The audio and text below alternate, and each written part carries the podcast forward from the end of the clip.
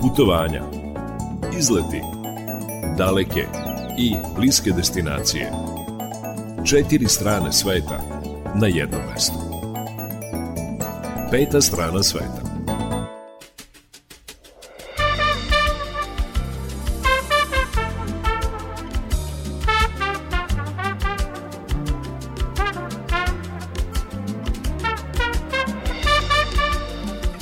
Poštovani slušalci, dobar dan, dobrodošli u još jedno izdanje turističkog magazina Peta strana sveta. Danas će emisija biti veoma sadržajna. Posle izveštaja iz Automoto Saveza Srbije i meteorološkog izveštaja osvrnut ćemo se na zbivanja na Međunarodnom sajmu turizma u Beogradu koji je održan prošlog vikenda. Kažu da je bio veoma uspešan, najuspešniji u poslednjih deset godina. Predstavit ćemo jednu afričku zemlju, veoma egzotičnu, Sao Tome i Principe, A zatim ćemo govoriti o kulturnom turizmu i o kandidaturi Budve, mediteranske lepotice, za Evropsku prestonicu kulture. Taj grad kandiduje se za 2028. godinu. Dakle, to je njihova želja da te godine budu Evropska prestonica kulture. Ušli su u finale i vidjet ćemo šta će se dogoditi. U drugom delu emisije govorit ćemo o turističkoj ponudi Novog pazara, Kažu da je Novi Pazar sa okolinom veoma značajan za srpsku istoriju, da je čak 30 spomenika kulture pod zaštitom države, a neki od tih spomenika su pod zaštitom UNESCO-a. Dakle, svakako mesto gde vredi otići. Nakon toga čućete kakvih novina za turiste ima u Stopića pećini i koje su zanimljivosti vezane za tu pećinu koja je kada je reč o turističkim posetama od svih pećina u našoj zemlji najposećenije. Na samom kraju emisije tu su i vesti iz sveta turizma. Muzički urednik, kao i obično, u petoj strani sveta je Srđana Nikolić. Ja sam Irina Samopjan i volim da kažem na početku emisije neka ovo naše putovanje počne.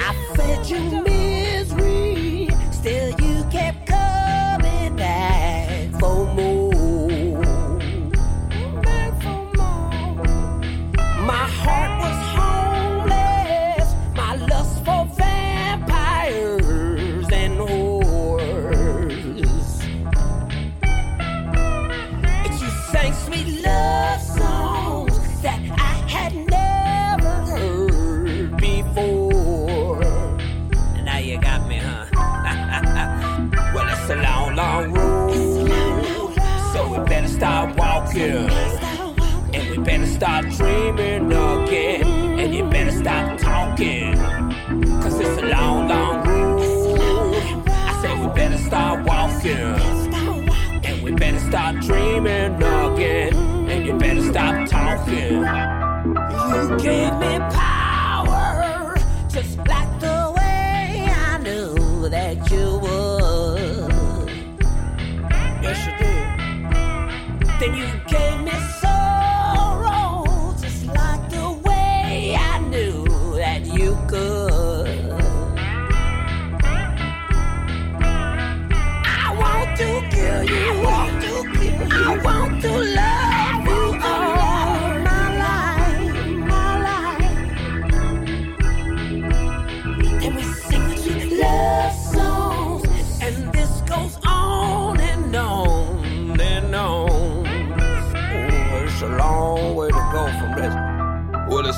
long, long road.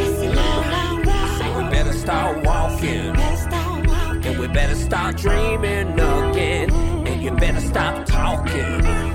Cause it's a long, long road. I say we better start walking. And we better start dreaming again. I say you better stop talking.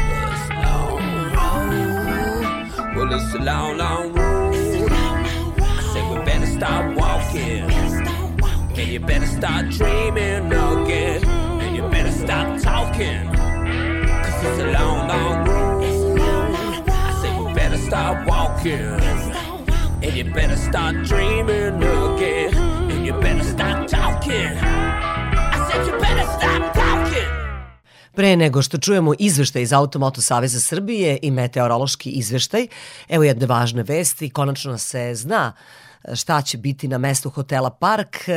Naime, u Novom Sadu, na mestu gde je nekada bio hotel Park i sada se tamo nalazi hotel Park, samo više ne radi, nalazit će se jedan od najvećih svetskih hotelskih brendova, Hyatt Regency, Hotel tog luksuznog brenda u Srbiji postoji samo u Beogradu i poznat je kao Hotel Hyatt.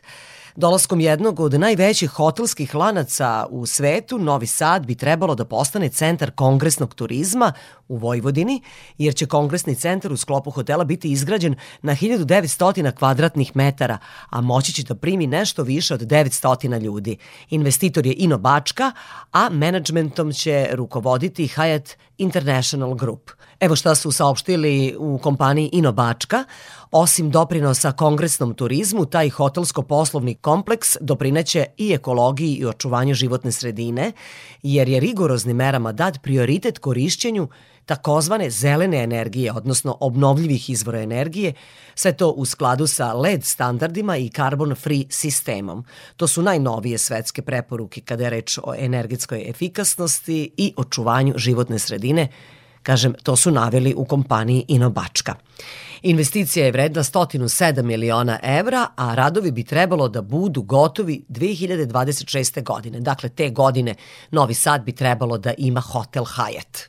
Evo još nekoliko informacija. Ono što je do sada poznato jeste da će se prostor oko sadašnjeg hotela potpuno ozeleneti.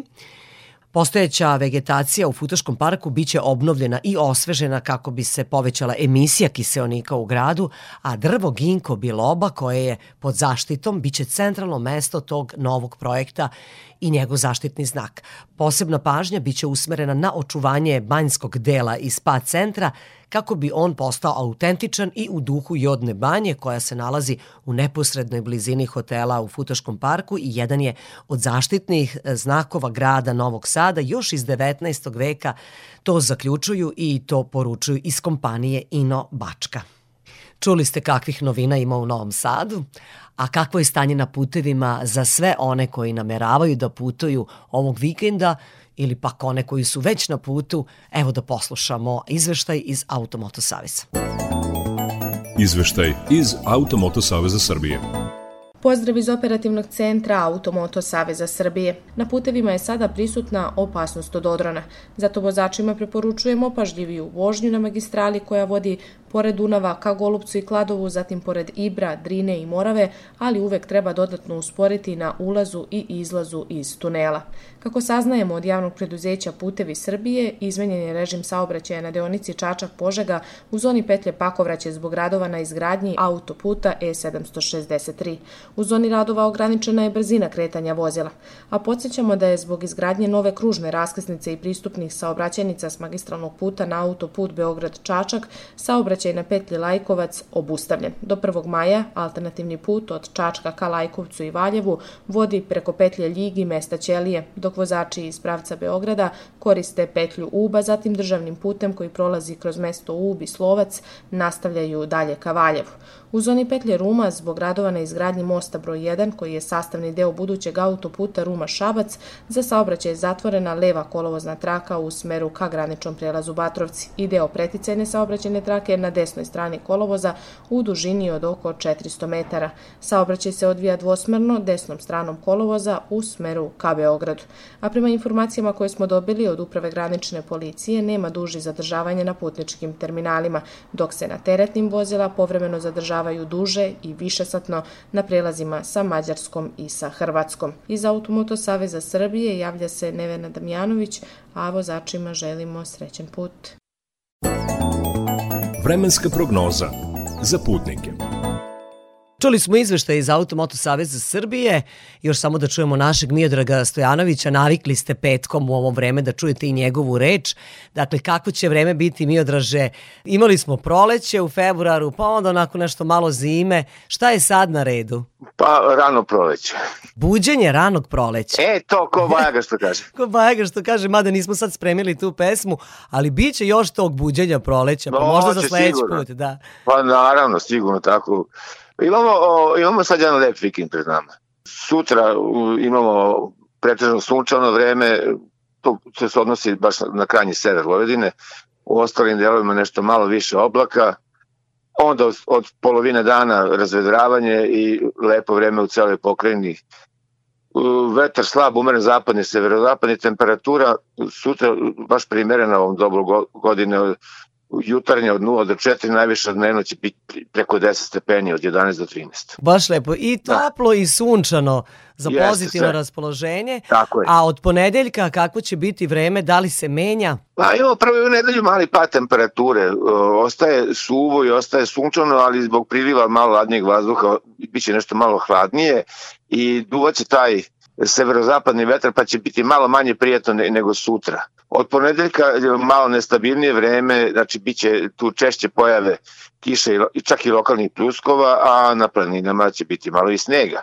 Smena sunca, kiše, već mi ulazimo stvarno u to proleće.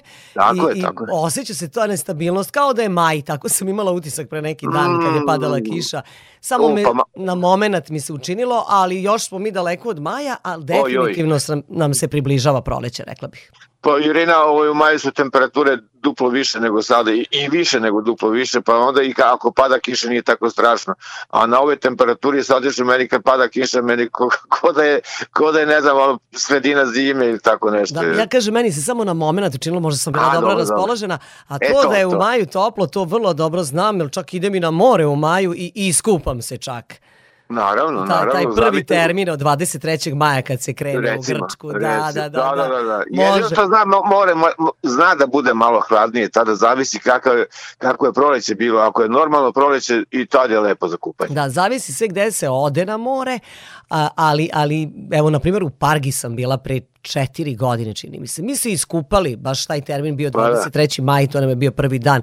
Sve zavisi kakva bude godina, a evo ovo mi miriše nešto na dolazak rani, dolazak proleća, dolazak e, leta isto će biti brži nego običajno. Tako, tako osjećam i to bih možda i želela potajno. Eto. Pa to, to je, to podsvest radi. to je, radi to je. Posle, da, da, da. Pa neka, što, lepo je nadati se. Kako da ne.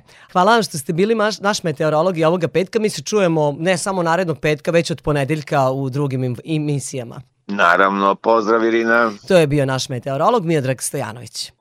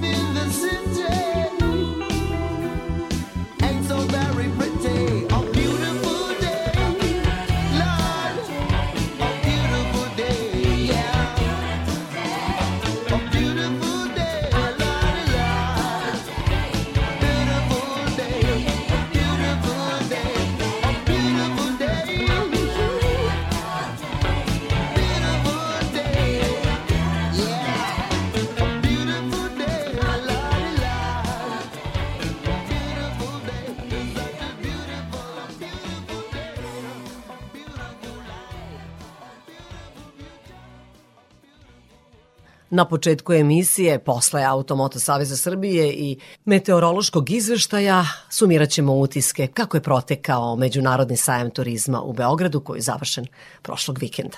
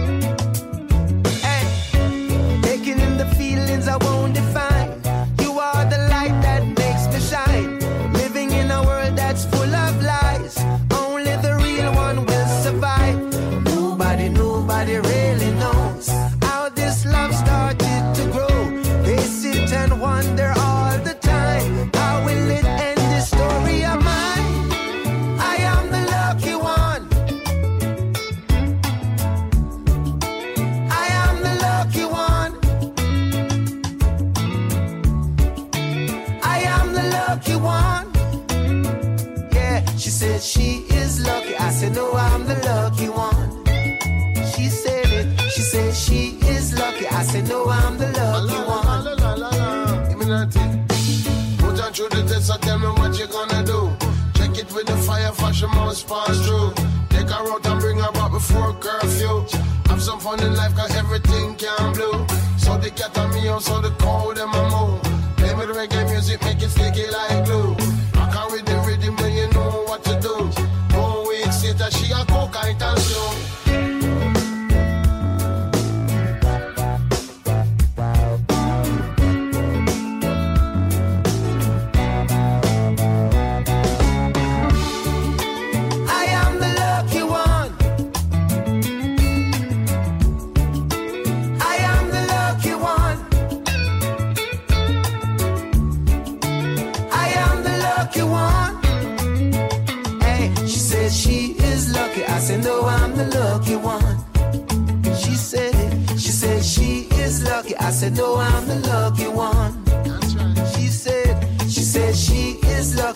know I'm the lucky one.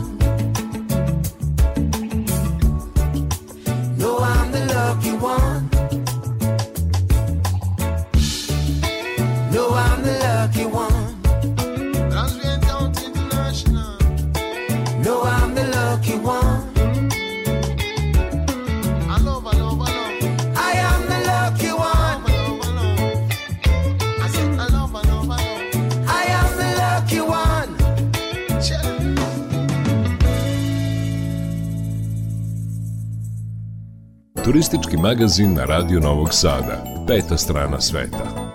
Još ćemo malo i u ovoj emisiji govoriti o Beogradskom sajmu turizma. Znate da je on održan prošlog vikenda. 44. Međunarodni sajam turizma i kako kažu organizatori prošao je odlično. Koordinator Beogradskog sajma Dragan Zečević ocenio je da je to bio najuspešniji sajam turizma u poslednjih 10 godina. Preko 40.000 posetilaca je posetilo ovu našu manifestaciju i ono što je najvažnije to je da su svi izlagači bili više nego zadovoljni ovim sajmom. Ono što je takođe značajno da je e, ovaj sajam posetilo preko 10 ministara iz e, e, evropskih država, da su skopljeni međudržavni ugovori, da je sve proteklo bez ikakvih problema i uh, ono što je najvažnije s naše strane kao organizatora da su svi posetioci i svi izlagači bili veoma zadovoljni i mislimo da će efekti, ekonomski efekti po našu državu, zahvaljujući ovom sajmu, biti veliki. Takođe moram da naglasim da sve države koje su se pojavile ove godine na sajmu, a ono što je e, interesantno bilo za naše posetioce i za nas kao organizatore sajma je prisustvo sedam e, afričkih država koji su se po prvi put ovde pojavile. To je bila zaista jedna interesantna stvar i atrakcija i za posetioce i za same turističke agencije koje mogu da naprave neka nova atraktivna putovanja u zemlje Afrike i da našim potencijalnim turistima ponude bolji i novi vid odmora u inostranstvu. Ja bih hteo da ponovim još jednu stvar koja je veoma bitna za ovu priredbu, a to je da je Narodna Republika Kina bila naša zemlja partner To uh, napominjem iz prostog razloga što Narodna Republika Kina se ne pojavljuje često na sajmovima i recimo dva najznačajnija sajma u svetu, u Berlinu i Londonu, nisu imali tu čast kao mi ove godine da im Kina bude zemlja partner. Preko 30 agencija najvećih iz Kine je došlo uh, kod nas na sajam. Mi smo imali uh, prva dva dana poslovne B2B kontakte sa našim domaćim agencijama i turističkim organizacijama i skopljen je niz ugovora koji će doprinati tome da kineski turisti ponovo se vrate na broj 1 uh, u našu zemlju. Moram da kažem da kineski turisti su pre pandemije, uh, njih 130 miliona je posetilo Evropu, tako da uh, te brojke su veoma bitne da bi ljudi, shvatili koliko su kineski turisti veoma značajni za celu Evropu.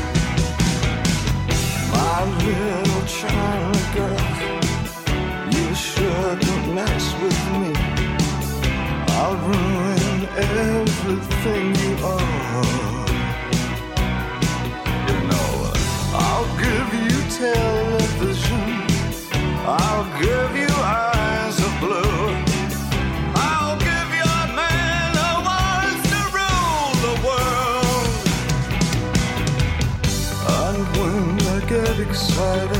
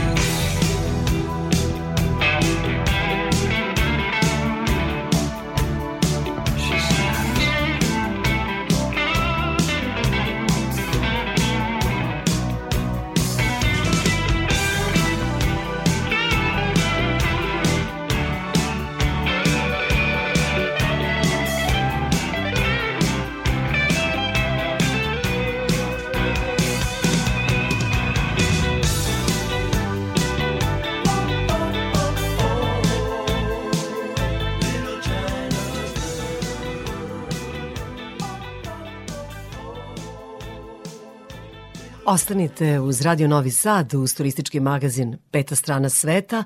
Uskoro ćemo govoriti o jednoj vama egzotičnoj zemlji, nije ni lako stići do nje, a i nije baš za svačiji džep. Reč je o ostrupskoj zemlji Sao Tome i Principe.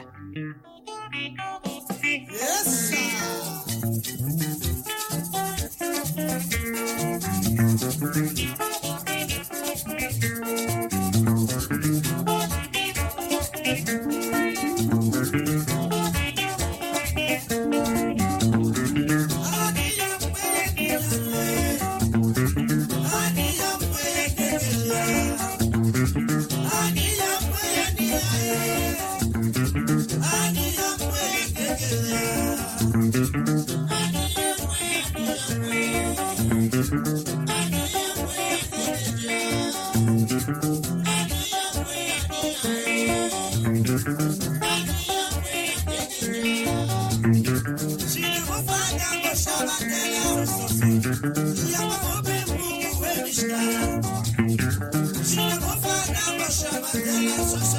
Yeah, I'm a bad boy,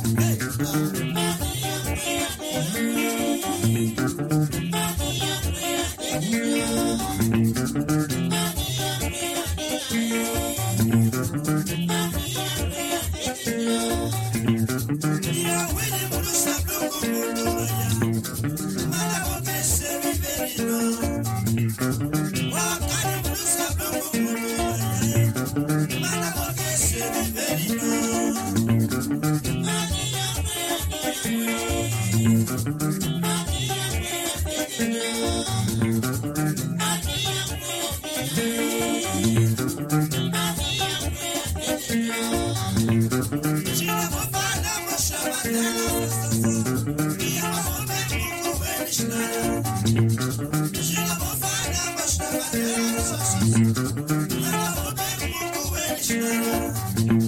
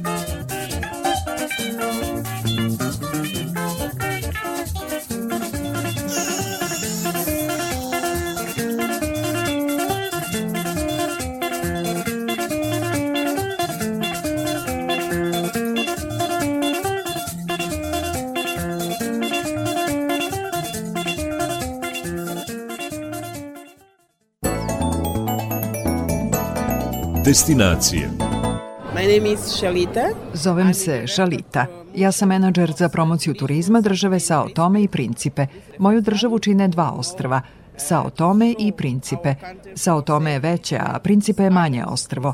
Ova državica sastavljena od dva ostrva nalazi se na samom ekvatoru i samim tim ima tropsku klimu.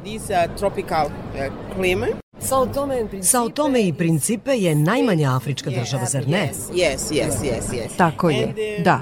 Sao Tome je turistička destinacija koja je pod najvećom zaštitom u ekvatorijalnoj Africi. Kod nas možete videti prelepu prirodu, plaže su predivne, možete posmatrati ptice. Ovamo smo došli da se predstavimo i da ljude upoznamo s našom državom kako bi oni došli da posete Sao Tome i Principe. Što se tiče smeštaja, raspolažemo velikim brojem hotela, gostionica. Smeštaj u hotelima je nešto skuplji. Noćenje košta oko 100 dolara. Ukoliko želite da prođete jeftinije, smeštaj možete potražiti u gostionicama, gde noćenje staje između 5 i 14 dolara na dan. Možete iznajmiti auto tako da njime možete obići ostrvo. Sve u svemu, to je uglavnom to što mogu da kažem o svojoj zemlji. Kako da doputujemo na Sao Tome i Principe? Na Sao Tome iz Srbije možete doći tako što ćete avionom najpre leteti za Lisabon. Taj let, koliko ja znam, traje oko dva i po sata. Iz Lisabona postoje direktni letovi za Sao Tome koji traju oko 6 sati. Ukoliko želite da rezervišete smeštaj, to možete učiniti preko interneta. Tamo možete da pogledate šta se sve nudi i da izaberete. Od Lisabona do Sao Tomea leti se PAP Airlineom, a može i Euroatlant Airwaysom. To su dve kompanije koje lete do Sao Tomea i Principea. Možete li nam reći nešto o vašoj istoriji? Naša istorija je istorija ropstva. Pošto smo nekadašnja portugalska kolonija, govorimo portugalski jezik kao u Portugaliji. I engleski? Znatno manje. Da, ljudi govore engleski jezik, ali je zvanični jezik Sao Tomea i Principea portugalski, a tu je i kreolski dijalekt. Kreolski je autohtoni jezik u našoj zemlji. Lokalni stanovnici su vrlo gostoljubivi i ljubazni. Engleski nije zvanični jezik, ali ga lokalno stanovništvo uglavnom zna u dovoljnoj meri da može komunicirati s turistima. Jezik nije problem. Zaista nije nikakav problem. Kako izgleda vaše ostrvo i njegova priroda? Puno je biljaka, šuma i divljih životinja. U zemlji zaista ima puno prirode. Divljine? Tako je, a duže čitavog ostrava prostire se plaža. Naselja su u središtu ostrava, dužinom čitave obale su plaže. Organizujete li neke obilaske? U ponudi imamo 4-5 tipova obilazaka, među kojima je tura posvećena kafi. Postoji tura posvećena kakaou, Da, kakao. Taj obilazak traje oko 3 sata i tokom njega možete da pešačite. Naša zemlja se odlikuje održivim turizmom. Turisti nisu svuda, kod nas je naglasak na održivom turizmu. Zemlja nije preplavljena turistima, razumete? Turisti nam dolaze iz Portugalije, Nemačke, Francuske, Gabona i Gane. Svako ko dođe u turističku posetu može pronaći smeštaj u hotelima. Gde se nalaze hoteli? U kom gradu? U centru Sao Tomea nalazi se hotel Five Star. Južno od centra nalazi se još jedan veliki hotel, ali je boravak u njemu jeftiniji. Principe ima više hotela, ali su oni skuplji. Luksuzniji su, pa samim tim i skuplji. Oko 100 dolara za noćenje? Ne, ne, više od toga. Dosta, dosta više. Oko 5000. Oko 5000. Peta strana sveta. Deixa lá,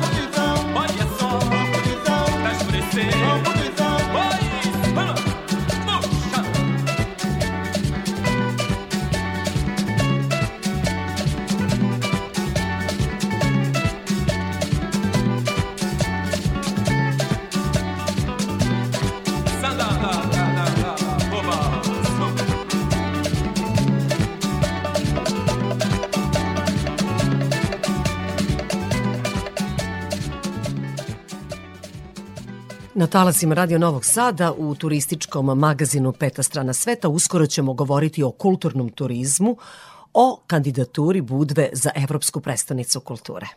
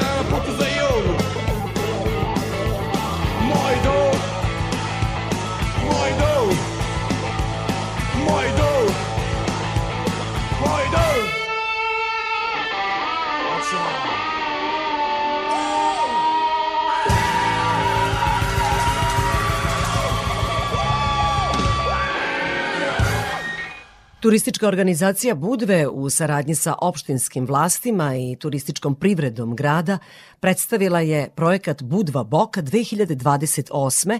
Evropska prestonica kulture. Taj projekat ušao je u finale, tako da postoji velika šansa da taj crnogorski mediteranski grad bude prestonica kulture. Predsednik Saveta za kulturu opštine Budva Predrag Zenović rekao je da su tradicija i istorija glavni razlozi za to da Budva bude evropska prestonica kulture. Budva je grad koji je po pisanim tragovima star najmanje 2,5 milijuna. Grad koji e, ima naslage različitih civilizacija, različitih kultura, koji u svom dugom trajanju zapravo e, bilježi nevjerovatnu istoriju i istoriju velikih civilizacija i velikih kultura. Sve što važi za Budu, važi za Boku. I ne samo da je to jedan prostor koji ima jedan specifičan e, kulturološki pečat, nego radi se jednom e, prirodnom pejzažu koji tom cijelom kulturnom imidžu ovoga prostora daje jednu specifičnost. Mislim da je sve to i činjenica da Budva u ovom novoj eri, u ovoj eri visokog turizma, razvijenog turizma, zapravo otkriva i neke nove mogućnosti. Nove mogućnosti kada je u pitanju globalna kultura, kada je u pitanju uh, uopšte međunarodno povezivanje i zapravo te dvije stvari, dakle tradicija, istorija s jedne strane, ali i nove mogućnosti koje nudi novo vrijeme i turizam su, čini mi se, dva osnovna razloga zbog koji Budva treba da bude evropska predstavnica kulture. Njihova aplikacija za Evropsku prestonicu kulture je Budva Boka 2028. Ona podrazumijeva zapravo i koncept i pristup e, ne samo definisanju kulture i kulturne produkcije, kulturnih industrija, e, nego uopšte razvoja e, ovog cijelog područja, posebno Budve. Ovu titulu nekad su dobijali gradovi kao što su Atina, Pariz, Rim, ali danas to dobijaju gradovi koji imaju upravo tu mogućnost velike transformacije. Budva se u ovom prethodnom periodu našla pred izazovima urbanističkog razvoja, ali danas upravo zahvaljujući svojoj velikoj tradiciji i ljepoti koju ima njeno zaleđe, srednjovekovni manastiri, stari grad, ali sve ono što nosi i Boka i opštine na teritoriji a, Boke, to su zapravo stvari koje mogu da daju jedan novi brend, jedan novi imidž samom gradu i da na neki način predstave budu u nekom novom svjetlu.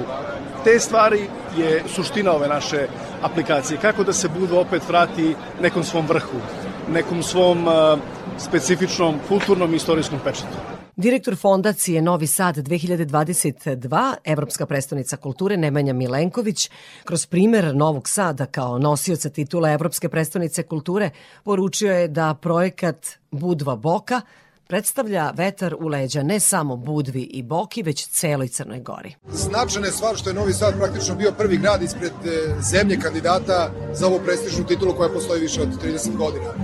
I jedno je kada, kako ga kažem, o toj stvari samo pričate, drugo je kada se ta stvar zaista dogodi, desi i pokaže da čak moram reći neki strah, predrasuda koja je postala ispred e, Evropske komisije i panelista koji su odlučivali o toj tituli, na neki način kroz Novi Sad ta ideja se raširi kroz sve druge zemlje koje zapravo nisu članice Evropske unije, ali koje bi zapravo sa svojim gradovima želi da postanu evropske predstavnice kulture. Budva je u tom smislu zaista sjajan kandidat i time što je ušla u finale pokazala je zapravo sam svoj mogućnost i kapacitet da ono što treba da se desi 2028. godine bude na tragu i onoga što je Novi Sad sanjao od 2016. ostvario 2021. godine. U tom smislu e, ne postaje grad koji već jeste evropska predstavnica kulture, nego onaj koji to želi da bude. Zato je važna i strategija razvoja kulture i celokupan plan s kojim se u Briselu predstavljate i s kojim se nadam će i bude pobediti u ovoj godini. Zaštitno lice Budve za 2023. godinu Danijela Dimitrovska kaže da je najvažnije predstaviti Budvu u nekom drugačijem svetlu, drugačiju od one na koju su posetioci navikli. Mi svi iz ovih krajeva najverovatnije godinama letujemo u Crnoj Gori uh, i u Budvi i u tom delu, ali mislim da, ne mislim nego znam da je moja želja da prikažem to na jedan malo drugačiji način i da ljudi ne posećuju Budvu i Budansku rivijeru samo tokom leta i te njihove predivne plaže, nego da ih upoznamo i sa nekim drugim znamenitostima, festivalima i da mogu cele godine tamo da idu na odmor. Posjećamo još jednom, projekat Budva Boka 2028 ušao je u završni krug takmičenja za Evropsku predstavnicu kulture baš za tu 2028. godinu, što potvrđuje potencijal kulturnog razvoja Budve. Ukoliko pobedi, Budva će biti domaćin celogodišnjeg programa kulturnih događaja i aktivnosti kojim će prikazati svoju umetničku, muzičku, pozorišnu i književnu tradiciju, kao i savremene kulturne izraze. To bi svakako privuklo veliki broj turista. Peta strana sveta.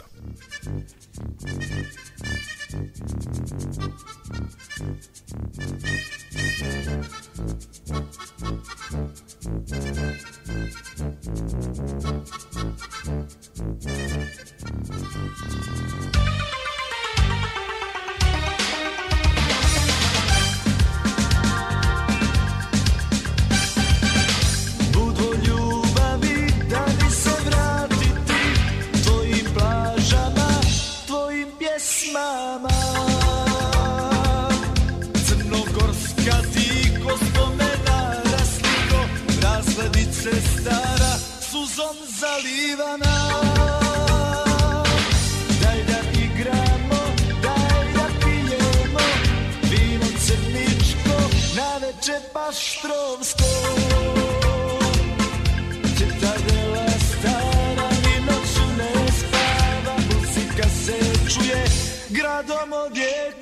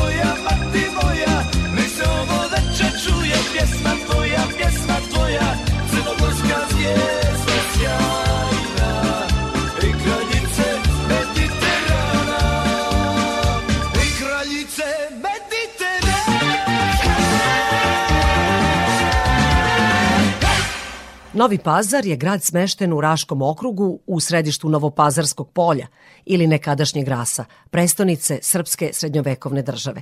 Glavno obeležje toga grada je suživot vera i naroda i očuvanje tradicionalnih vrednosti i simbola.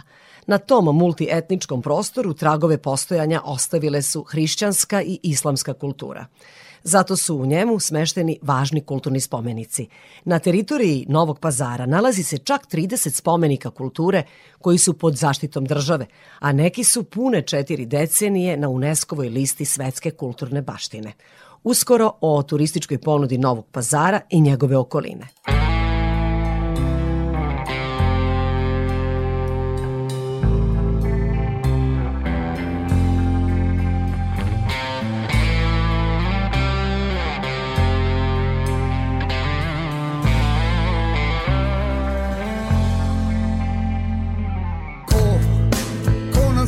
Zna. Tvoja lica sva Bolje nego ja. Ko, se nadao S tobom padao Sve do samog dna Al nije bilo to Za tebe dovoljno.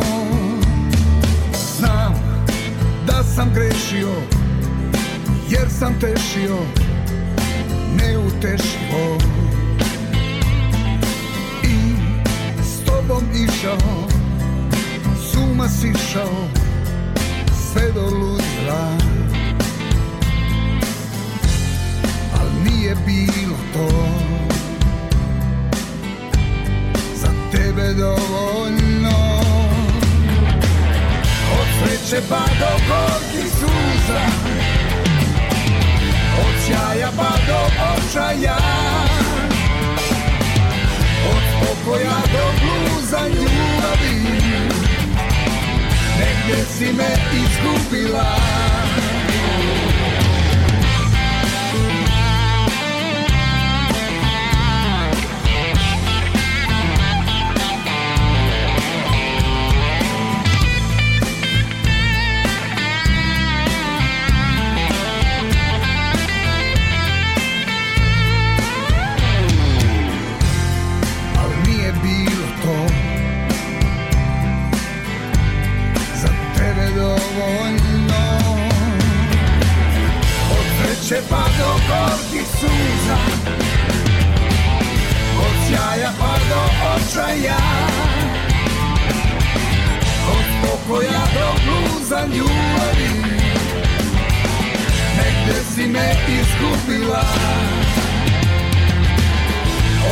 Sreće pa do gorkih suza. Od sjaja pa do očaja. Od pokoja do bluza ljubavi. Negde si me izgubila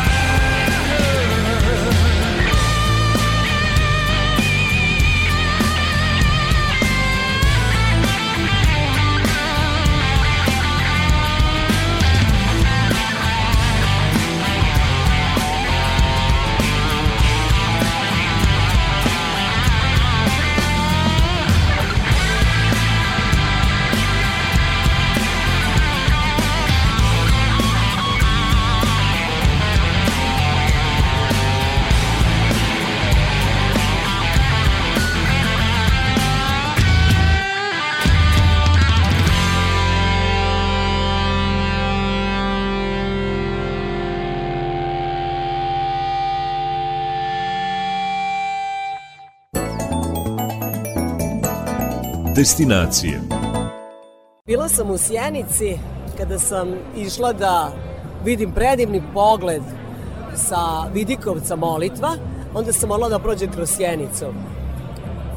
I videla sam kako ona izgleda i Sjenica je grad koji takođe ima svoju turističku ponudu, blizu je Novog pazara, ali u Novom pazaru nisam bila, pa čak ni da kupujem farmerice, znam da imate taj shopping turizam veoma razvijen.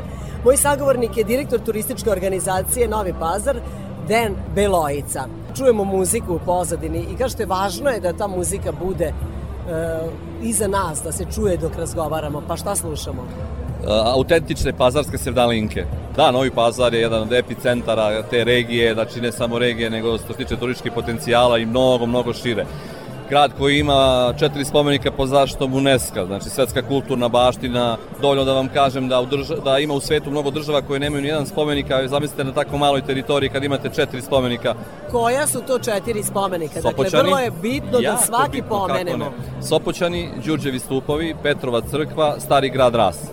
Zato vi imate manastirsku turu, obilazak. Između ostalog. Znači nije samo manastirska, e, Pazar e, je grad, e, fantastičan grad, grad multietičnosti, grad žive u suživotu dve religije, dva naroda, jedan narod sa dve religije, u stvari lepše bi bilo tako da kažem. Grad otvorenog srca, divnih ljudi, ponavljamo to često, ali je stvarno činjenica da je tako. Evo, mi smo se pre par minuta upoznali kao da se 100 godina znamo. Znači, to je tako kod nas. Ono što je jako bitno za Novi Pazar da se pomene, stvarno je grad koji ima jako duboku i tradiciju i istoriju. Znači, e, istorijski gledano, pominjemo se jako davno, znači davnim vremenima ono što je jako bitno da je tu prava kolevka srpske države, da je tu nastala srpska država.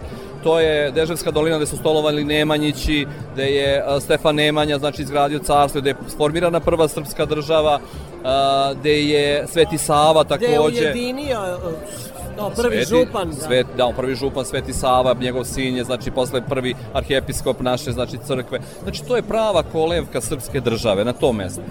Tom periodu, iz tog perioda sam pomenuo spomenike. Oni spadaju u red svetske kulturne baštine, znači u svetskim okvirima smo priznati, a ne u lokalnim okvirima. Drugi jako bitan segment jesu spomenici iz islamske, znači islamskog perioda, islamske kulture. To je period znači kad su Osmanlije došle na te prostore i tu ostavile izuzetan trag i koji danas se osjeća u životu nas i ovaj, naših, da kažem, sugrađana u Novom pazaru. Imamo divne spomenike od gradske tvrđave, gradskog bedema, hamama, hamama u Novopazarskoj banji, uh, Altunalem džamije, jedna od najlepših džamija na Balkanu, ako ne i šire. Tako da je to grad jednog ogromnog kulturno-istorijskog bogatstva. Sve ovo što ste naveli zvuči toliko primamljivo da bismo mi sad odmah da idemo u Novi Pazar, a ako dođemo gde možemo da odsetnemo, imate li dovoljno hotela, ima li privatnog smeštaja, a posle ću vas pitati i za taj seoski turizam, da li je i on razvijen, da li možda možemo u neko seoce sa domaćom hranom. Dakle, sve je to veoma važno i treba da bude povezano. Vi, ja ćemo skakutati u razgovoru. Tako je. ovaj, imamo. E, Novi Pazar zadnjih par godina ima nekih devet hotela, ovaj, novih hotela, što, da kažem, rekonstruisanih, e, a što novih. Znači, oko hiljadu hotelskih ležajeva imamo u ovom trenutku na raspolaganju, različite kategorizacije. E, za svakči džep u prevodu imamo ovaj, smeštene kapacitete. Dva hotela nam se rade, Do, e, to je jedan od e, lepih stvari gde dokazujemo potencijale turizma kroz to da privatni sektor vidi i prepozna potencijale i onda ulaže u eto infrastrukturu turističku. Bez hotela nemamo mi pričamo o nekoj ozbiljnoj turističkoj infrastrukturi. E, Kad pominjate hotele, država je naša prepoznala potencijale Novog pazara i okoline. Opet vežemo priču, osim znači, o kulturno-istorijskih spomenika imamo dve fantastične planine. To su Golija i Rogozna. Golija je planina koja će biti sigurno u narednim godinama hit nadovezujem se na to, država je znači prepoznala te a, lepote, kapacitete, potencijale i Ministarstvo turizma i vlada Republike Srbije ovaj, formiraju naučno-obrazovni centar Rast na Goliji. U prevodu će to biti jedan centar za edukaciju, obuku mladih, studenta, prosvetnih radnika, a bit će u prevodu jedan kapacitet, znači da kažem hotelski od nekih 6000 kvadrata koji će biti na raspolaganju i za uh, građanstvo, da kažem, za sportske ekipe, za individualne dolaske. Tako da su Za to potencijali. turizam. Tako je između ostalo. Tako da su to evo što ovo što ste me pitali, znači imamo odlične odlične takve infrastrukturne resurse koji će biti na raspo, koji su i na raspolaganju i jako brzo će biti na raspolaganju za buduće goste. Rekli smo da ćemo napomenuti i koliko je razvijen seoski turizam, da je ruralni turizam u vašem kraju. Nažalost, To je nažalost. boljka u mnogim krajevima, ovdje kod Nažalost, nas je još da i kažem. razvijen, ali južnije je sve manje razvijen, da. Nažalost, mi nemamo na teritoriji Novog pazara, nijedno domaćinstvo se bavi seoskim turizmom i nemamo nijedno etno selo urađeno na ovaj način. Zbog čega kažem nažalost, to je potencijal ogroman, ta Podgorička regija, planina Rogozna daju ogromne potencijale, to su znači oaze netaknute prirode koje stvarno, stvarno zaslužuju da se nađu na mapi, ali to opet predstavlja jednu šansu za turistički razvoj i mi ćemo kao turistička ozbiljno da pokrenemo priču razvoja tog turizma sa prvo edukacijom ljudi, onda da vidimo koji su to pristupni fondovi kojima oni mogu da se obrate, da bi mogli da formiraju te stvari i da se naravno na pravi način obuče da sutra mogu da koriste te resurse, da budu prijemčivi za sve. Treba dati i posticajna sredstva ljudima koji hoće da uđu u tu priču, u tu vrstu turizma, da da otvore svoje domaćinstva, ali o tome treba razmišljati, to sve treba staviti na papir i, i dobro razraditi tu temu. Tako je, tako je. Peta strana sveta.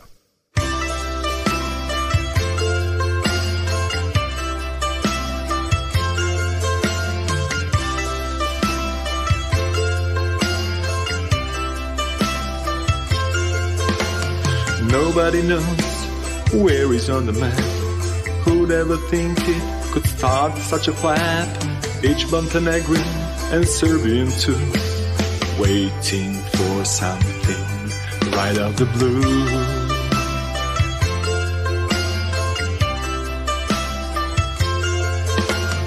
Back up my Gladstone and brush up my suit, and then light me up my big fat cigar. If you want my dress, that's Orient Express to the Sanjak Novi Pazar.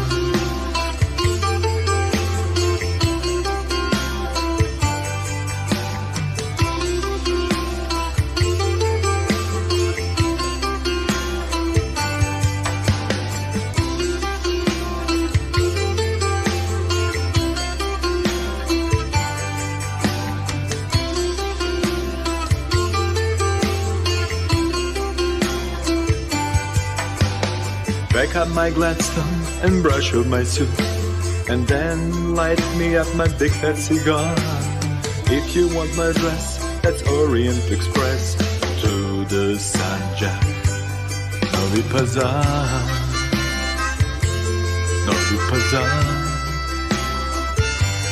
Novi Pazar, Sanja, Novi Pazar.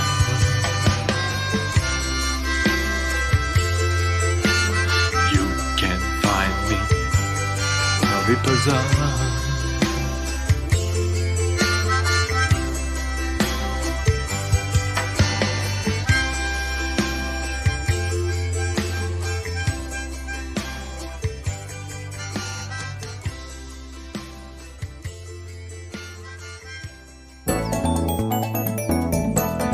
Destinacije Kada dolazimo u jedan kraj koji još nismo otkrili, eto kažem za mene Novi Pazar još je neotkriven kraj, treba da znamo onda i šta tamo možemo da pojedemo i da popijemo, e, kakva je vaša gastronomska ponuda.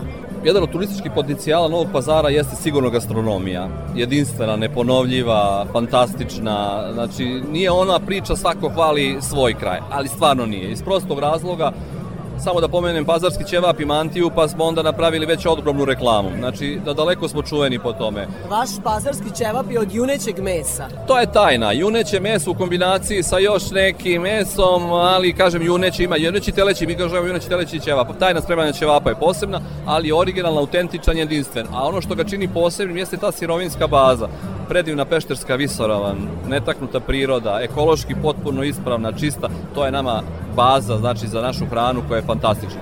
Osim kažem eto ćevapa i mantije imamo izuzetne znači druge specijalitete, čuveni timbal, teletina koja se sprema na poseban način. Onda imamo ovaj izuzetne znači slatkiše, urmašice, dudove, sukani dud, tufahije, Znači, jednostavno, to ko dođe u Novi Pazar, nema, nema, nema šanse da ne bude oduševljen gastronomijom koja je stvarno posebna i specifična i redko se sreće. Naravno, u vašem kraju treba razvijati ekoturizam. Pomenuli ste Peštersku visoravan, pa dve planine. Kako stojite sa tom vrstom turizma? Svež vazduh je svuda oko vas, a vidite koliko je danas dragocen čist vazduh. Mi radimo jako puno na tome. Znači, infrastrukturno uh, sam pomenuo što tiče tih smeštenih kapaciteta. Kreće ra razvoj tih pešačkih staza, biciklističkih staza. Uh, imali smo i neke trke na Goli i Rogozni.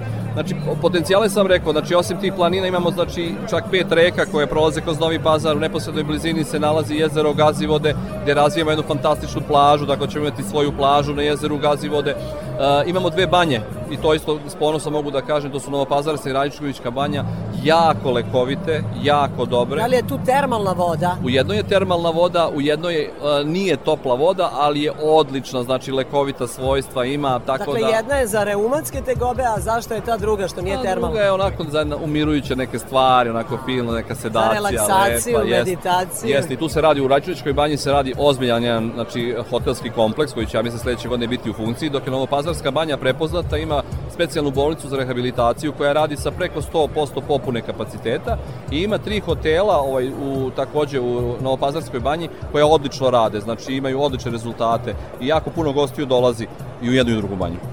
Mi smo pomenuli stari grad Ras. Nismo pomenuli stari grad Raz, sad, ali smo ga pomenuli malo pre kao autentičnu stvar, kao jedan deo ovaj, pod UNESCO-om, zašte UNESCO, znači stari grad Raz sa trgovištem je uh, vojna, vojno utvrđenje koje se nalazilo na jednom od ulazaka u grad uh, i mi projektno se trudimo da ovaj, obuhvatimo taj deo i da ga rekonstruištemo, odradimo uh, i uh, pre par godina je turistička kroz projekte sa Ministarstvom trgovine turizma i telekomunikacije odradila jednu divnu stazu koja ide od pazarišta, trgovišta do ovaj, starog grada Rasa. Tako da i jedan kilometar, da. Tako je, tako je. Tako to, je, to je uspon srednje težine, tako. sa odmaralištem. I ja bez problema da prošetamo, znači do gore. I da pročaskamo. Naravno, i da pročaskamo uz to. Ja stvarno moram iskoristiti priliku da kažem da je država Srbija prepoznala potencijal i da zadnjih godina jako puno investira ovaj, u Novi Pazar i da mi stvarno smo prezahvalni na tom prepoznavanju i finansijskim sredstvima koja nam država daje da bi infrastrukturu turističku unapredili. Znači imamo dosta projekata koji su realizovani, a imamo projekata koji su u fazi realizacije. Tako da se nadam kad dođete u Novi Pazar da ćete imati još jednu lepšu sliku. Ovako ja vas upoznajem i jednostavno pokušavam da vas namamim da mi dođete u Novi Pazar kao gost. To mi i radimo ovom pričom, jer bih ja volela da Vojvođani, mi smo pokrajinski javni medijski servis, da čuju šta to ima u našoj zemlji lepo, u Novom pazaru, da za mnoge je Novi pazar u našoj zemlji neotkrivena destinacija. Pa mene zanima, je li ima Vojvođana kod vas? Da li vam je to poznato? Imate to u statistikama nekim? A, nažalost, statistike nemamo neke precizne o ovaj, do, dolazcima O gostiju, ali, strukturi gostiju, ali imamo jako puno poseta ovaj, iz Vojvodine. Kao prvo, Novi Pazar je trgovinski grad bio od pamti veka i mi imamo veze ne samo sa, sa što se kaže uh, Vojvodinom, nego i mnogo šire. Mnogo naših sugrađana i živi u Vojvodini i obitava tu, mnogo poslovnih partnera imaju u Vojvodini. Mnogo nam ljudi dolazi iz Vojvodine, stvarno, a isto ja mogu da se pohvalim zadnjih a, dobri 5-6 godina turističke ekskurzije osnovnih škola iz Novog pazara borave u Vojvodini. Znači, to ipak je destinacija koja nije to dovoljno blizu, tako da učenici osmih razreda u sklopu svojih materskih ekskurzija borave u Novom Sadu, u Subotici na Paliću. Tako da dolaze sa jako pozitivnim iskustvima, jako pozitivnim onako utiscima iz Vojvodine. I očekujemo e, da će saradnja biti iz godine u godinu sve bolja. I ovaj sajam koji je prvi put ove godine ovaj, se realizuje u ovom modalitetu, na ovaj način, odvojen kao sam sajam turizma, ovde je ogroman, ogroman, da kažem, uspeh i mi smo sa pokrajinskim sekretarijatom za prirodu i turizam napravili sjajnu saradnju i mogu ovako da vam jednu tajnu odam, radi se na, na danima Novog pazara u Vojvodini i dan, danima Vojvodine u Novom pazaru. Tako da ćemo u perspektivi sigurno imati neke manifestacije tog tipa da se što više približimo jedni drugima. To je naša značajna manifestacija Dani Vojvodine, pa u Eto, postoje to, to. mesta u Temišveru, Bijeljini, na mnogo, mnogo i, i iz granica naše zemlje ta manifestacija izlazi i predstavlja Vojvodinu u najboljem svetlu, pa eto, drago mi je što ćemo Vodimo razgovore, sarađivati. tako, vodimo razgovore na tu temu, mislim da ćemo Da. uspeti brzo da realizujemo i tu pričicu. Sve najbolje. Hvala vam, dobrodošli u Novi Pazar, pozdrav za vas i slušalci i očekujem vas u što većem broju. Dođite u naš lepi grad. Moj sagovornik bio je direktor turističke organizacije Novi Pazar, Dejan Belojica. Peta strana sveta.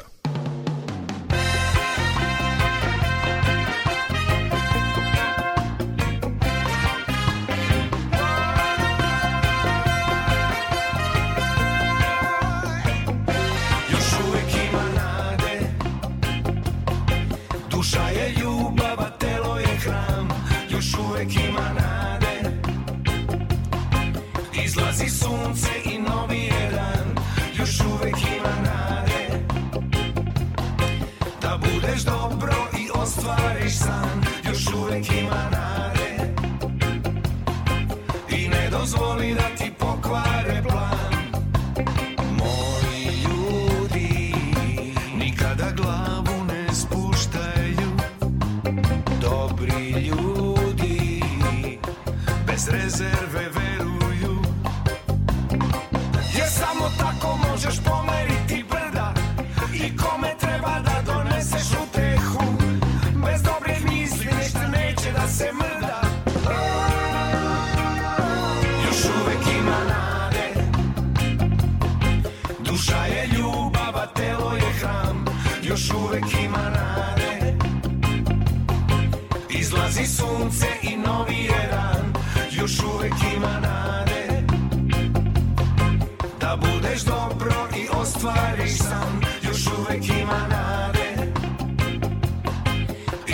dozvoli da ti pokvare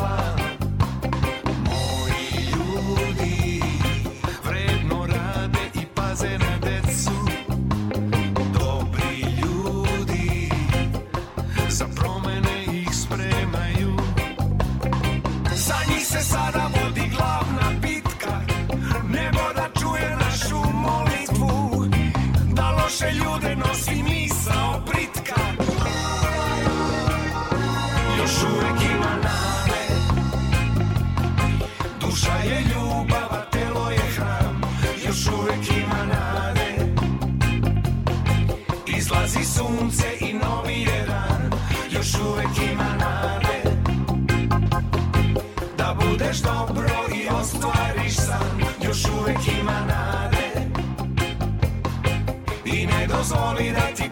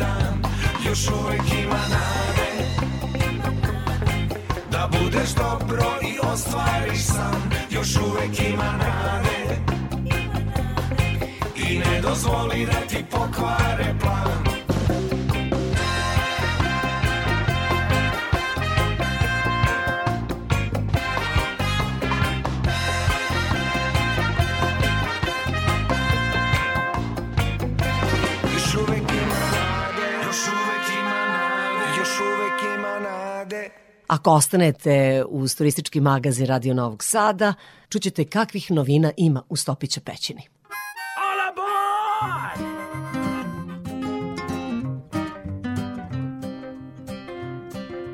Father led down for a long way down, far away from the poorhouse door. Either get to hell or to Hades town. Ain't no difference anymore. Way down, Hades town, way down on the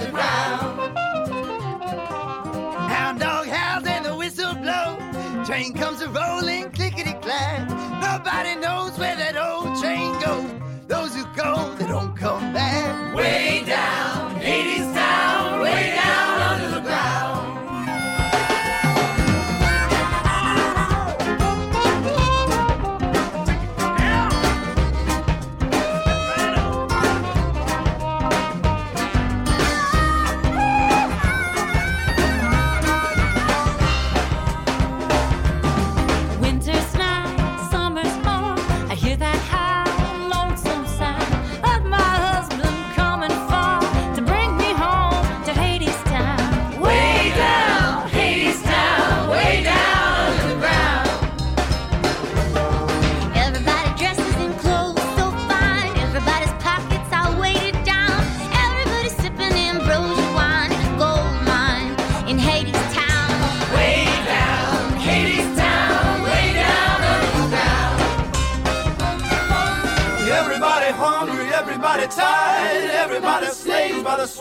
proud of the way.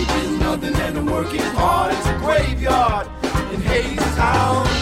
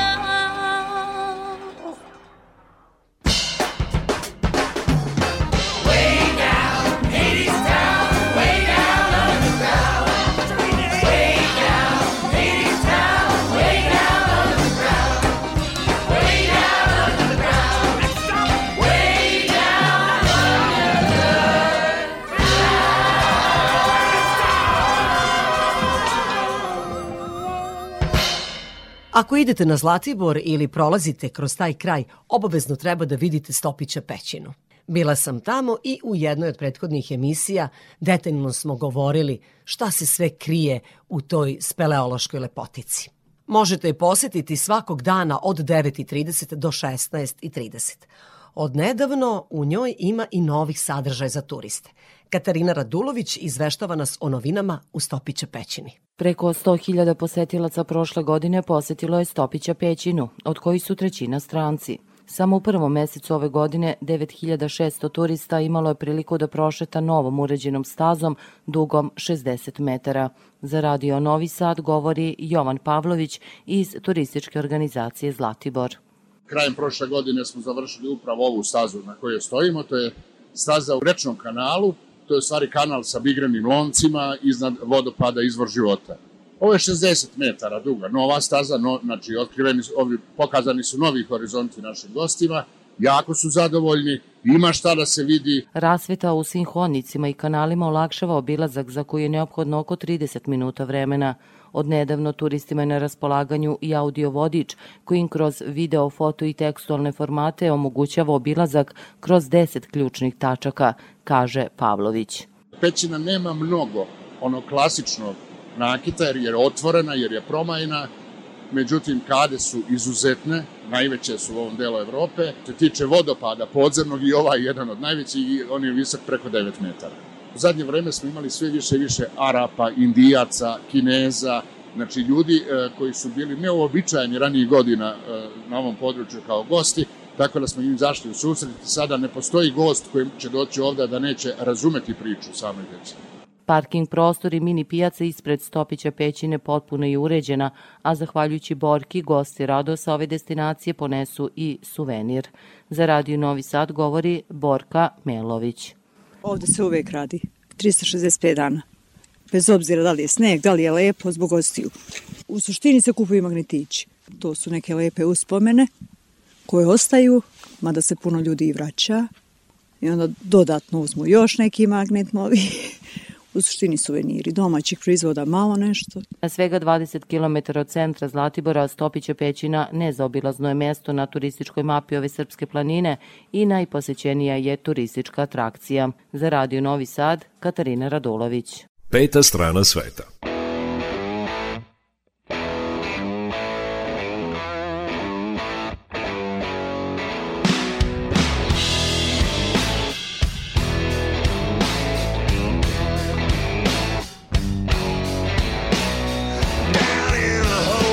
Let the body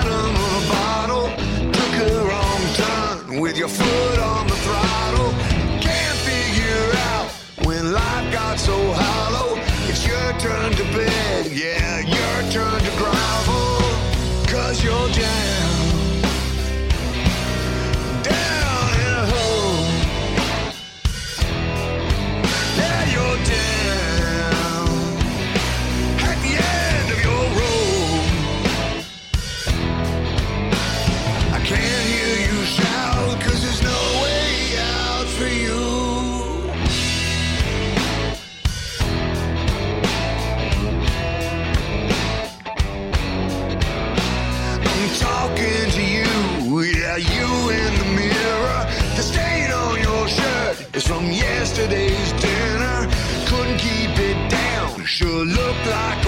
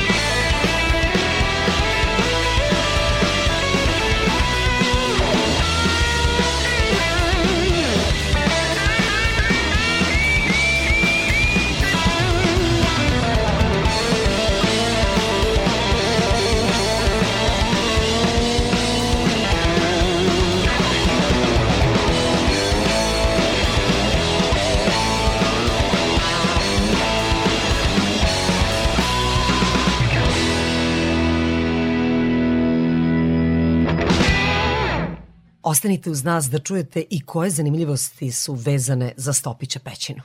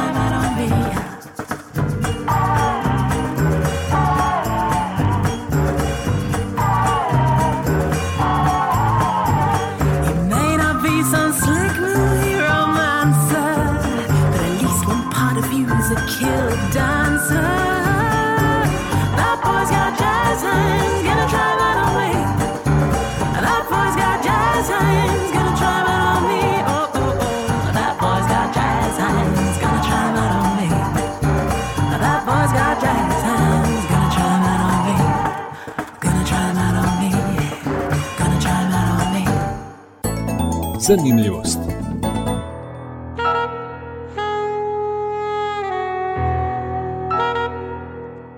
Dragomir Stopić je naš turistički vodič, pokazuje nam ovu prelepu pećinu koja je e, jedan od najpoznatijih turističkih lokaliteta u našoj zemlji. Dragomire, još uvek smo u Svetloj dvorani, e, naime na, na samom ulazu u Stopića pećinu, mada je ta dvorana i najveća, kažete da ima 76 metara u dužini. Prolazimo sada pored jednog kupastog nanosa i kao da je neki otpadni materijal. Nekako ne pripada i ukrasima i, i, i otvoru i lepoti pećine. Ne slaže se s tim. Evo, pravo ste. Ovako, ovaj, ovo je siparska kupa ili pseće groblje. Sad ću ja malo da to pojasnim. Ova siparska kupa, to je otpadni materijal, visoka oko 8 metara, dugačka je oko 15-20 metara. Ko zna koliko tu kubika ove zemlje ima i što šta tu ima. Eno, vidite, tu i jedna velika panj od bukve. Dakle, na visini odavde 68 metara primećuje se gore, ima otvor. Sa ove staze gde mi stojimo, ima otvor na tavanici Stopića pećine. 15 metara nepravi smo fio krugao i sve je to propalo vekovima kroz taj otvor u dosku. Znači, da dočara malo bolje, kad pada kiša, tu pada kiša, kad sneg, sneg, kad pada lišće, lišće. Evo vidite, to su buke koje se nadvile na tim otvorom i propalo je to vekovima i to ima svoju priču, svoj doživljaj, zabranjeno je jer svako tu može da padne nešto, ali da znaju posetioci da. da je to zabranjeno i nema govora da to padne ovde gde mi stojimo na stazi. Zato što kroz tu rupu može nešto da pada sad dok mi pričamo. Da, da, ali to se završi gore.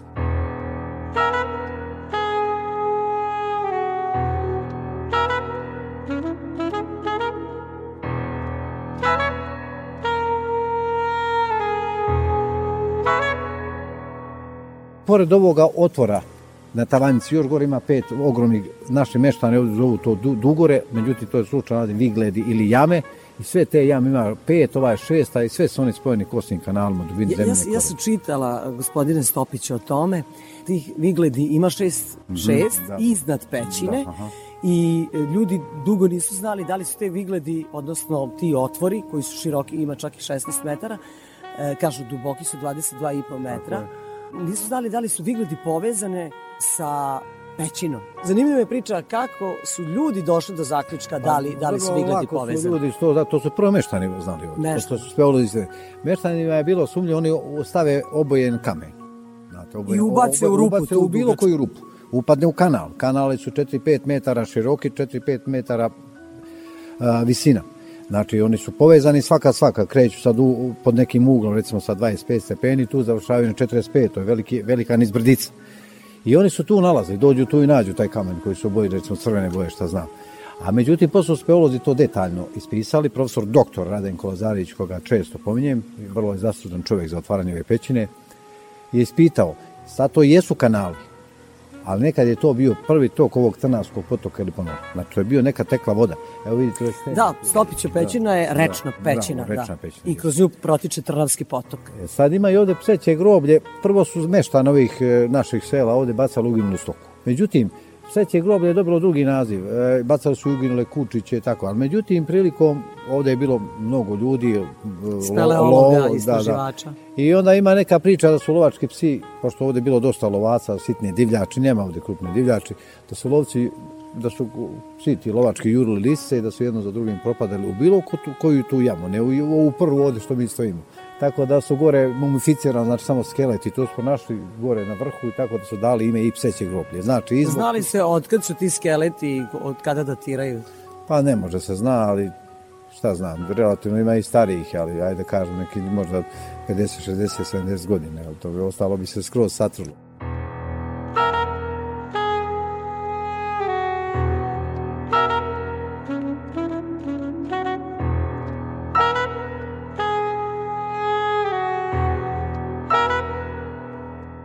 Ima gore jedna, kad već pričamo, jedan Božo Janković je 24. 25. godine propao kroz tu jednu...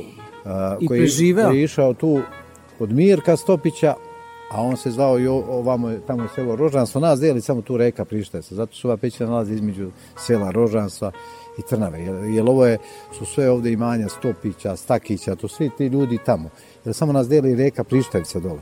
I on je išao? I on je išao od, od, od e, Boža Stopića, nosio mešinu sa rakijom, imao je sad jedan putić, normalno svako nađe sto. I on je pevao, bio je, da li je bio, ne mogu da kažem, ali uglavnom je pevao i samo je nestala pesma, dođu, on je propao tu, na, nažalost, uginuo. Je Znači jedan on je, on je slučajno upao slučajno čovek. upao, ali ne u ovu, u ovu, nego znam i u koju i ta se zove Božna Du- Dugora. Znači nije preživeo naš se njegov skelet. To je jedan nesretan slučaj u skorije vreme, znači, a ovde 65. godine na Litici ovde, Stanimir Kacana Stakić je čuvala ovce, gore je i tu je pala, terala je ovce i nekako su kliznula, pala i tu je se okačila na jednu buku. I ona je nastradala.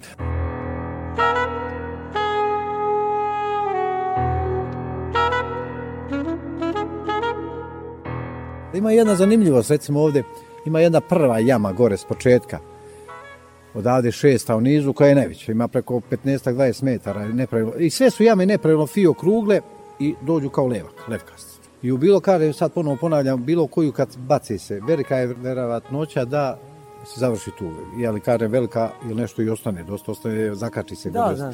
Međutim, sad koje godine prošlog veka je bilo, Miloš Ilić, zvani Kuzo, je ču, poterao, tad se teralo u žir, svinje, svinje. Šta to znači teralo u žir? Da, one da, same traže da, žir. Da, da, da, da, ljudi bili malo siromašni, nema kupi kukuruza, nema šta.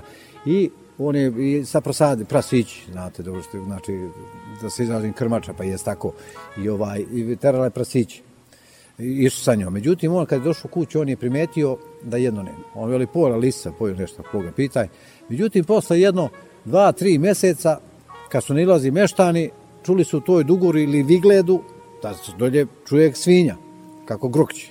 To je istinta živa. I to sad odjekuje. I, To je... to, I onda dođu meštani, spuste se dole, spustali se dole i izvade preko 100 kg bilo svinče, zato što je bilo 3-4 mjeseca. Međutim, hra, ostalo je na sljedeći način. Tu je malo vode, jer je ta, skuplja se voda. I jelo je taj žir koji je Isto pada sa u rupu. Sa Da. svih strana obijen bukovim Okruženo bukovim jeste, šumama. Jeste, sećanja I u stvari je, bilo... je svinče dospelo u raj. Jeste, to je istina, znači bukvalno sve, ovaj, da. znači to je istina, jer to je relativno skoro bilo, sad ne mogu znam koje godine, verujte mi, ali bilo I, prošlog veka. Jesu uspjeli da spasu svinju? Nego šta su. I verujem da nije završila kao kućni ljubimac, nego pa, na ražnju. ne znam dalje, pa verovatno, ne znam, verovatno bila neka prosla, pa možda i otišla je za proslavu, ko zna.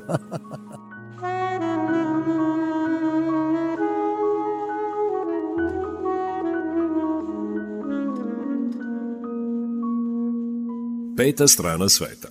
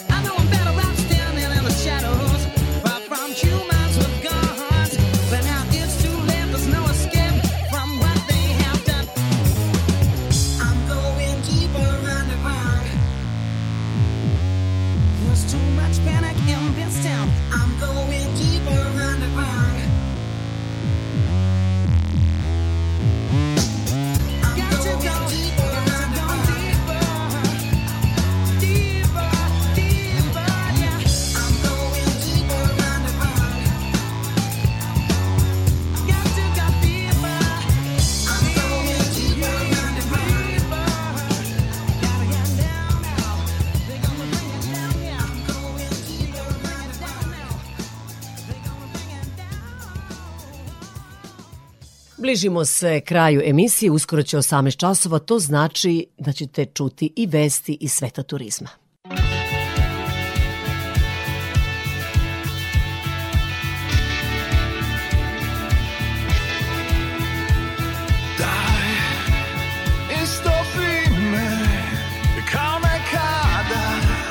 kao letnja kiša spusti se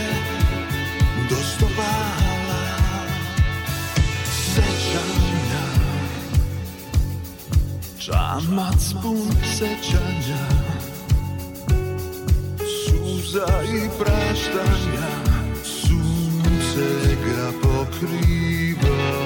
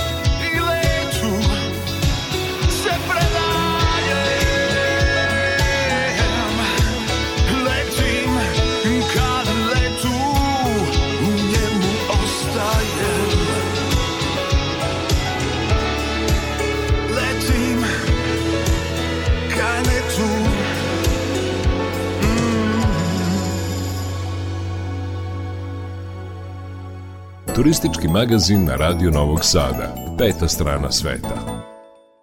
Evo i vesti iz sveta turizma.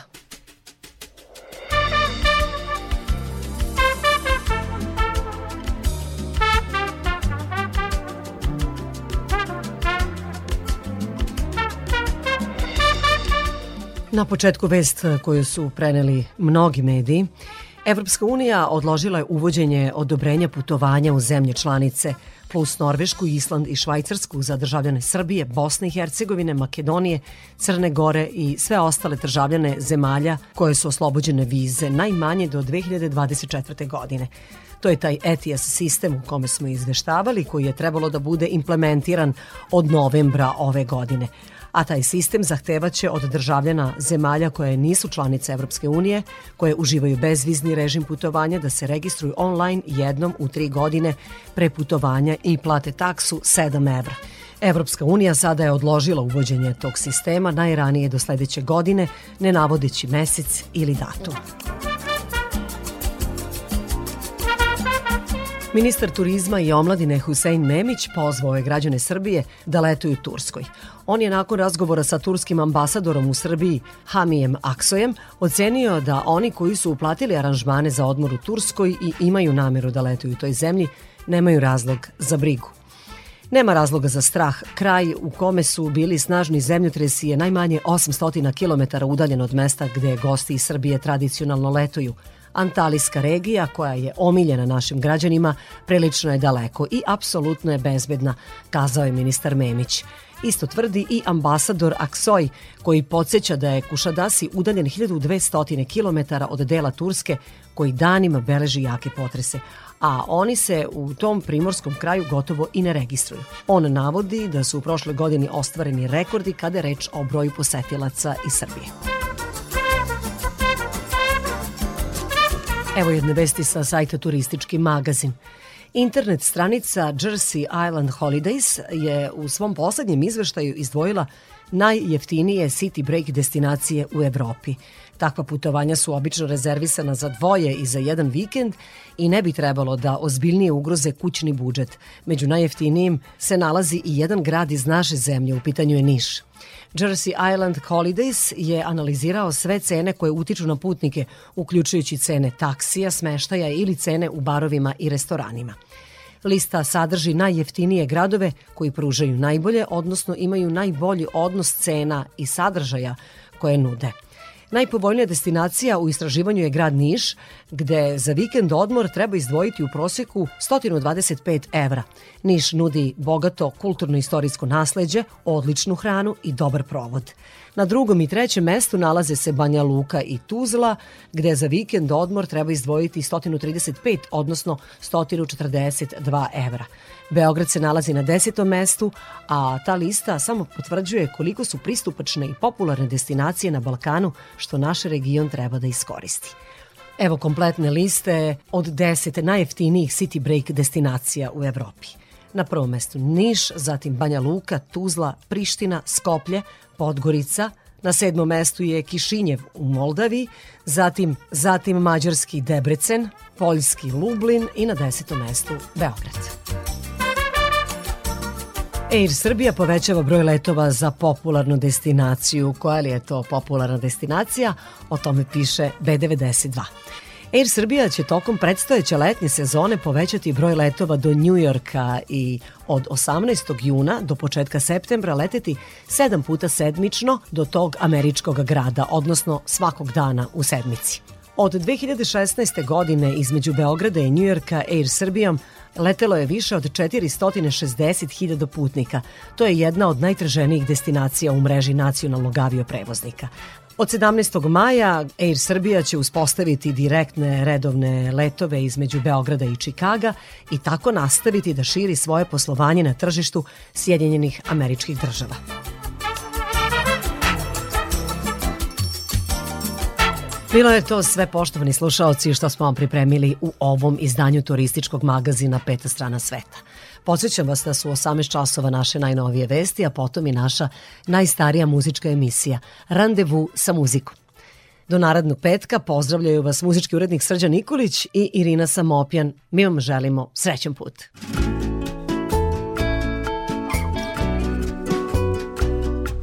J'avoue, je n'ai bavé vous, mon amour. Avant de voir où vendez-vous, mon amour. Ne vous déplaise en dansant la javanaise.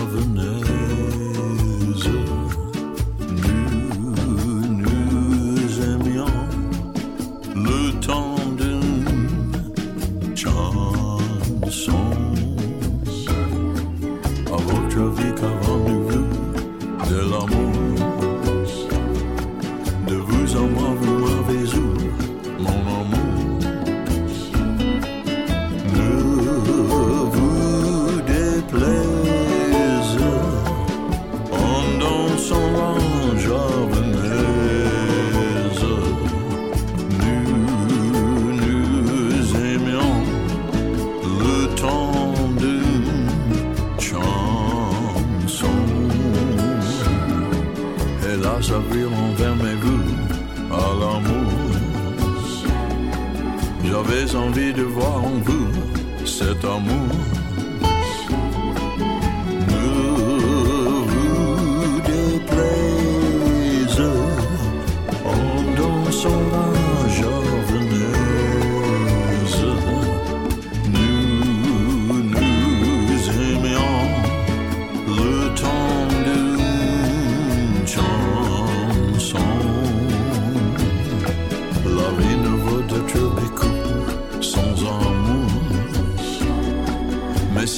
qu'il avait voulu.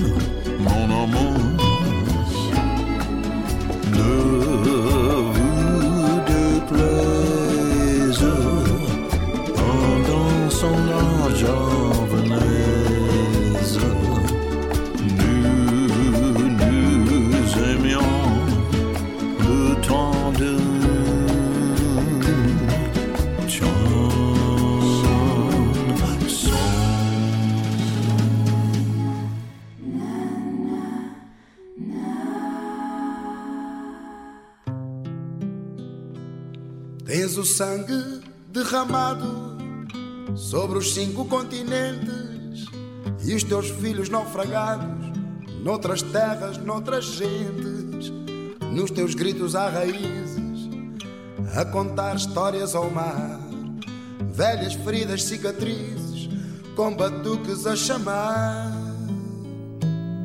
Mamãe África, mamãe África, mamãe África, oh mamãe África, vem pegar-me ao colo, vem chamar-me filho, vem dizer quem sou.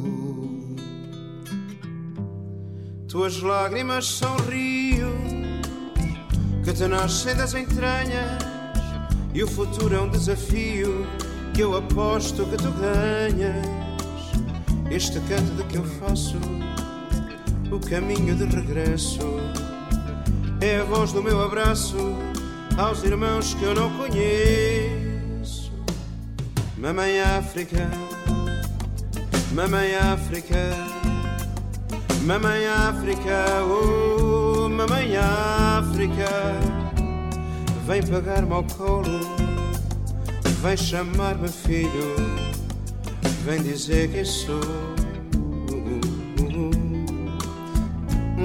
Mamãe África, Mamãe África, Mamãe África, Mamãe África, vem pegar-me ao colo, vem chamar-me filho, vem dizer quem sou.